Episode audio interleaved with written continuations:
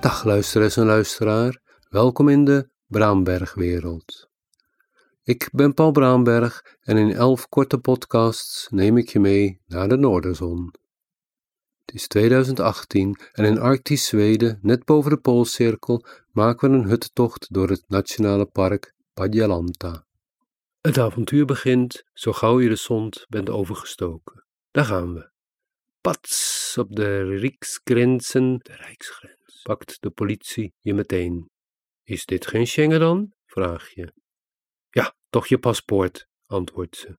Je bent suspect, dat steekt. Je bent een ander, een niet-Zweed, een mensensmokkelaar wellicht. De overheid neemt de Sverige Democraten na, de Zweedse PVV, de xenowind uit de fobie zeilen. Ze is van vikingstatuur, felwit haar, ogen staalblauw in de uniformpet-klepschaduw.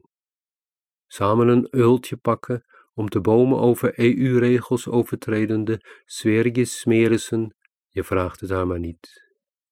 Ja, wel Volvo's exporteren, maar blije bezoekrijders, ter eigen volksgeruststelling, jerta kwetsend, hartgrondig, criminaliseren. Welkom in Zweden, heerlijk ruim land. Minst geringe percentage vluchtelingen, voorbeeldig georganiseerd, op en top democratiesk. Verkiezingsoverwinnaar is hier sowieso Fremdelingsvriendelijkheid. Vreemdelingsvijandigheid. Zweden, All EU, eikpunt. Dit was een van de Noorderzon-verhalen uit het boek Verhalen uit het Schrijflab 2019. Luister ook naar de andere podcasts op paulbraamberg.eu-podcasts. Tot de volgende keer.